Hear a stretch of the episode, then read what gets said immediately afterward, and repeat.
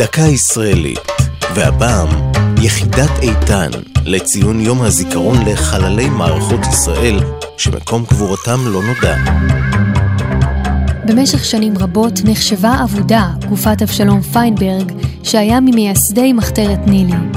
הוא נפל ב-1917 ואיש לא ידע כיצד.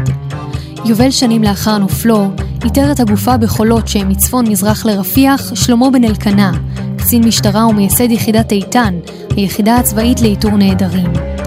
היחידה עצמה הוקמה במלחמת יום הכיפורים, כדי לאתר נעדרים מצוותי אוויר, ואנשיה פעלו ברמת הגולן ובסיני. במקביל פעלה אז בצה"ל יחידת מען, מרכז איתור נעדרים.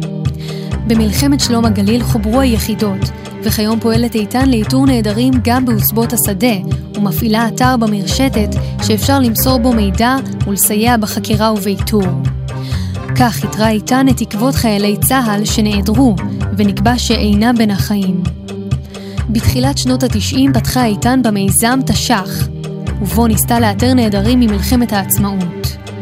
לאחר שהצליחה להביא לגילוי שרדי נופלים רבים, הפכה היחידה את המיזם לחלק מסדר יומה. למרות הכל, נותרו עד היום חמישה חיילים נעדרים שגורלם לא נודע. רון ארד, גיא חבר ושלושה מקרב סולטן יעקוב בלבנון, זכריה באומל, יהודה כץ וצפי פלדמן. זו הייתה דקה ישראלית על יחידת איתן לציון יום הזיכרון לחללי מערכות ישראל שמקום קבורתם לא נודע.